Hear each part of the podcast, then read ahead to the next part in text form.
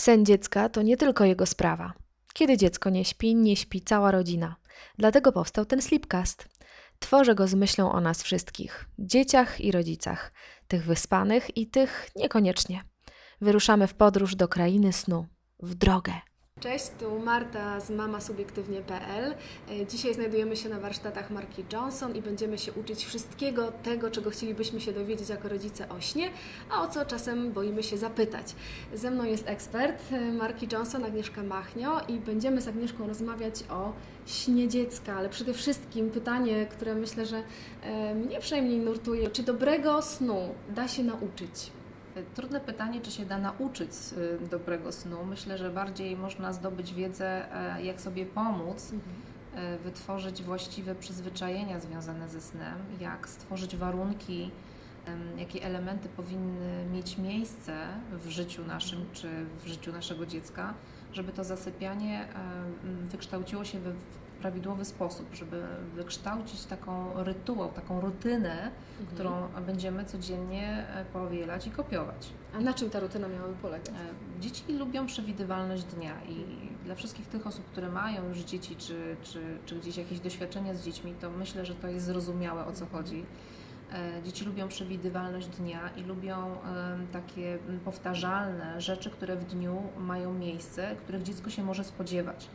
I one budują takie poczucie bezpieczeństwa, stabilności e, i łatwiej mamie czy rodzicom generalnie jest funkcjonować w takim środowisku, w którym wiemy, że na przykład o godzinie drugiej dziecko ma drzemkę i ja wtedy coś mogę zrobić, tak?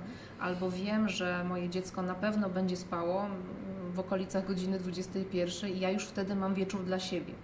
I ta przewidywalność dnia, o której mówię, ona ma e, ogromne znaczenie w wyuczaniu takich prawidłowych wzorców związanych właśnie z zasypianiem. I jeśli wy, y, zdobędziemy się na odwagę i mając dzieci postanowimy, że mm, ten rytuał wieczorny zawsze jest o podobnej porze, że y, o podobnej porze kąpiemy dziecko, potem już nie ma harcy i swawoli, tylko jest już raczej spokojna rozmowa, wyciszanie, e, czytanie bajek, to po pewnym czasie dziecko przyjmie to jako rzecz oczywistą i będzie łatwiej zaplanować tą porę snu. Dziecko się będzie spodziewało i pewne sygnały, które e, się pojawią, na przykład szelest wody, przygotowania Twoje związane właśnie z kąpielą, one będą działały jak sygnał, że aha, no to już idziemy spać. I łatwiej jest zasnąć, jeśli to jest rytuał powtarzalny, jeśli to jest coś, co następuje każdego dnia. A czy to jest y, proste? To znaczy, czy ten rytuał em,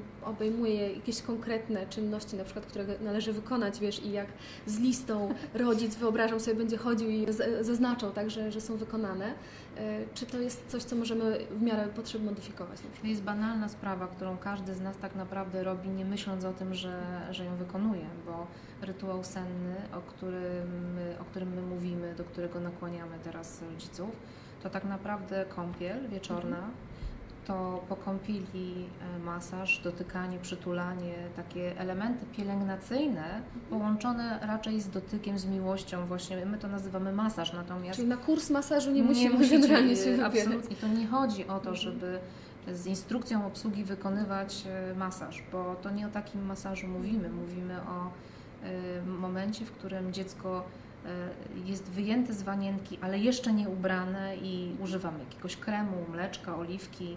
Jest to okazja, żeby to troszeczkę przedłużyć i właśnie podotykać stópki, rączki, pogłaskać. Czyli ma być to przyjemne doświadczenie Ma być to. To nie przyjemne ma być jakiś, rozumiem, profesjonalny masaż z gabinetu. To nie o to chodzi. Nie, nie, możemy, nie, nie możemy się czuć onieśmieleni tematem Mhm. masaży. Tak? I do tego, czego ja namawiam e, podczas mojego warsztatu, żeby przestać myśleć o tym jakąś obowiązkowej czynności. To jest czas poświęcony dla dziecka, który niezwykle pięknie buduje nasze relacje, a przy okazji jest takim elementem pielęgnacyjnym, bo jednak dotykamy, tak. używamy oliwki, mleczka, kremu, czegokolwiek tam używacie, co, co lubicie. I to jest moment, kiedy skóra do skóry, dotyk, ciepło dłoni mamy, łagodny głos, wzrok. To wszystko buduje bardzo taką piękną atmosferę spodziewalną, spokoju, daje poczucie bezpieczeństwa, a przy okazji sygnał właśnie, że to jest ta pora wieczorna pora. Idziemy za niedługo spać, Tak. potem się ubieramy w piżamkę, czystą piżamkę. e, jest pokoik przyciszony, uspokajamy się, już nie szalejemy, nie ma szaleństwa, tylko właśnie jest trochę ciemniej, przewietrzone, Mhm. poduszki przetrzepane, tak, jakiś miś ulubiony, zaczyna się już, już nawet jak mam ochotę, Budujemy scenarię, tak, tak, budujemy scenarię i to nie bez powodu się mówi, jak sobie, jak sobie pościelasz, tak się wyśpisz, tak. Chodzi o to, żeby ta kultura spania, mm, ten, ten rytuał związany ze spaniem jednak był poważnie potraktowany, nie był chaosem, bo dzieci w chaosie się źle rozwijają i na pewno jeśli będziemy chcieli nakłonić do spania dziecko, które jest rozszalałe, które dopiero co brykało, a teraz my już mówimy dziewiąta, proszę do łóżka, to się to nie uda, bo, bo nikogo nie da się nakłonić do spania, jeśli on jest na maksymalnym Poziomie poziomie aktywności, aktywności, tak. dokładnie, Mhm. więc to wyciszanie, to, te, te delikatne czynności, one są naprawdę ważne. Przed nami różne tajemnicze buteleczki. Co tutaj mamy? Czego możemy się spodziewać po różnego rodzaju olejach? Bo podobno teraz olej kokosowy robi karierę wśród rodziców. Y, No to właśnie, stosować go? Czy, czy tylko raczej do smażenia? A może, no nie wiem, oliwkę? Co byś nam poradziła? Oczywiście do tego tak nie można absolutnie traktować. Ja wiem, że mody przychodzą i odchodzą i mm, ja je obserwuję e, troszeczkę z dłuższej perspektywy i e, jeszcze parę lat temu e, wszyscy się zachwycali oliwą z oliwek. Potem się przerzuciliśmy na olej arganowy, potem się przerzuciliśmy na olej kokosowy. W tym roku, od zeszłego roku w zasadzie króluje wszędzie olej kokosowy. E, No i gdzieś tam zawsze ktoś z jakąś rewelacją e, pójdzie w świat. Fakt jest, że coraz więcej e, interesujemy się naturalnymi składnikami i jakby może nie tyle maleje, ale jakieś takie mamy bardziej przekonanie, że to co z natury to lepsze. Natomiast nie zawsze te mody są w takie, można powiedzieć, racjonalne, jeśli chodzi o stosowanie na skórze dziecka, a szczególnie u dziecka, bo dziecko ma bardzo wrażliwą i delikatną skórę i eksperymentowanie mm, e, w tym przypadku nie jest najlepsze. Oleje roślinne y, jest taki no, najbardziej podstawowy dylemat, czy używać olejów roślinnych, czy na przykład oleju parafinowego, który jest bazą do wielu No oliwek, czy nawet produktów dla skór bardzo wrażliwych, alergicznych. No No, to jest takiego zwy, powiedzmy takiego dziecka o normalnej skórze, nie wiem, nie jakiejś atopowej, co byś tak poradziła na, Wiesz, jeśli, do codziennej mamy, jeśli rozmawiamy o dzieciach zdrowych, to naprawdę wachlarz możliwości jest ogromny i tak naprawdę to zależy od tego, co mama bardziej lubi lub preferuje. Natomiast to, co mogę powiedzieć z całym przekonaniem, że jeśli mówimy o masażu, Mhm. jeśli mówimy o takim dotykaniu bardziej intensywnym, gdzie pocieramy skórę, y, masujemy, dłużej ten proces trwa, zdecydowanie bardziej sprawdzają się oliwki parafinowe i masażyści, którzy wykonują ten zawód, y, nie stosują y, stuprocentowych olei roślinnych, takich nierafinowanych, bo one mają taką swoją cechę dość charakterystyczną, a mianowicie lipidy zawarte w naszej skórze, które cementują, mm, które są niezbędne, żeby zatrzym- Mhm. zatrzymać wilgoć, ale też stanowią część budulca cementu międzykomórkowego, e, łączą się, ponieważ tłuszcz łączy się z tłuszczem, Mhm. łączą się z tłuszczem zawartym w olejach roślinnych. Ze sobą pasują. Mhm. Nie pasują oleje parafinowe do tych lipidów w naszej skórze, co oznacza, że używając oliwki parafinowej nie wy, wymywamy, nie wycieramy tego Aha. naturalnego tłuszczu, który na skórze jest, bo oliwka się z nim parafinowa nie łączy. Nie dochodzi do wymieszania i ścierania. Dlatego w procesie masa masażu, kiedy masażyści używają preparatów, lepiej sprawdzają się oliwki parafinowe. Natomiast oliwki, oleje roślinne, modne obecnie, też nie do końca e, sprawa jest jasna, bo jeśli chcielibyśmy skorzystać z pełnego spektrum ich, z tego dobrodziejstwa, którym są z natury, powinniśmy używać olejów nierafinowanych, czyli takich, które trochę się nie nadają do produkcji kosmetyków. I ja Ci pokażę taki mały Mhm. test zrobimy. Y, mamy olej lniany, też bardzo modny. Ten akurat nie w tej butelce. To jest olej nierafinowany, taki z tłoczenia na zimno, nie poddany żadnej dodatkowej obróbce, obróbce oczyszcz, oczyszczania. Jak widzisz, on nie jest do końca czysty, on jest taki lekko mętnawy. Mhm.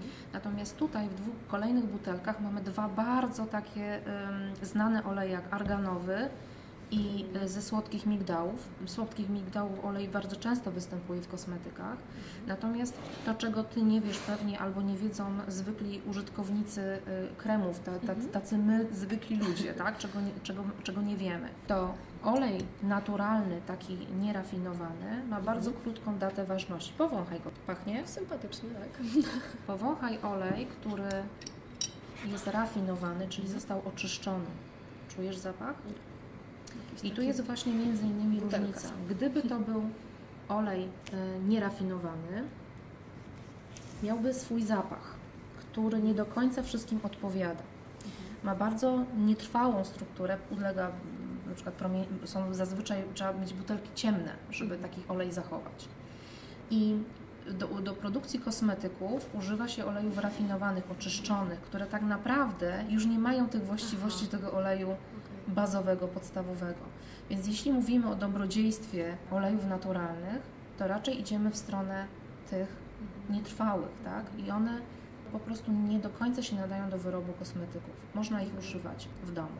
Natomiast jeśli kosmetyk z nich jest robiony, to zazwyczaj podlega procesowi oczyszczenia, czyli rafinacji i traci większość z tych właściwości, których się Czyli spodziewamy. zastanawiamy się, jaki jest nasz cel, tak? Tak Tego jest. Właśnie, czy dostarczenie właśnie na przykład tych Tak jest. witamin, wszystkich Tak jest. Natomiast, tak jak powiedziałam, z olejami też nie jest do końca łatwa sprawa, bo część olejów roślinnych przechodzi przez y, tą najbardziej zewnętrzną y, część na skórkę, wchodzi, rozpycha się i na przykład olej kokosowy ma tą cechę, że on niemalże się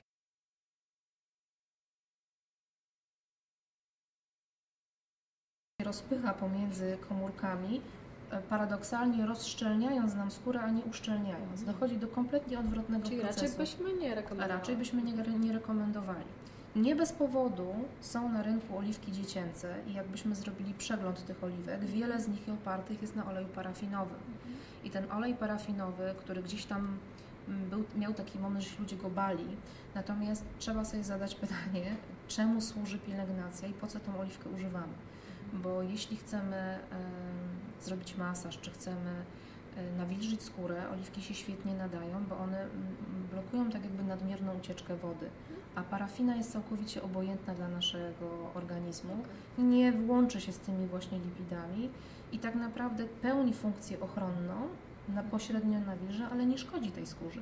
A olej roślinny trzeba mieć wiedzę, który olej użyć, żeby I z dobrego źródła. i z dobrego źródła, żeby się nie okazało, że e, szkodzimy.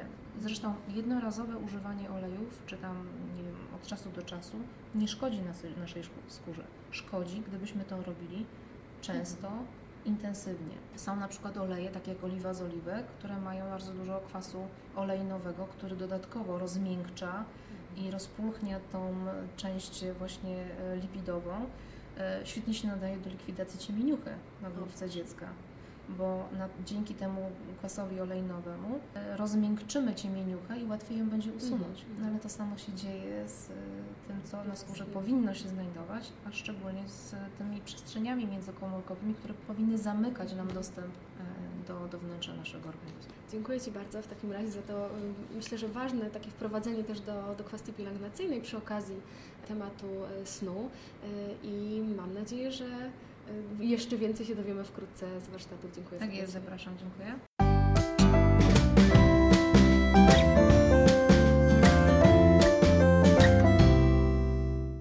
Dziękuję za czas poświęcony na wysłuchanie tego slipcastu. Pamiętaj, treści tu prezentowane to nie porady medyczne. Jeśli coś Cię niepokoi w śnie Twojego dziecka, zawsze najpierw porozmawiaj z położną lub lekarzem. A w międzyczasie zapraszam na mojego bloga mamasubiektywnie.pl i do śledzenia mnie na Facebooku i nie tylko. Po więcej ciekawych tematów dla rodziców sięgnij też po mojego e-booka Podróż za niejeden uśmiech. Znajdziesz go na blogu. Do usłyszenia, Marta Andreasik.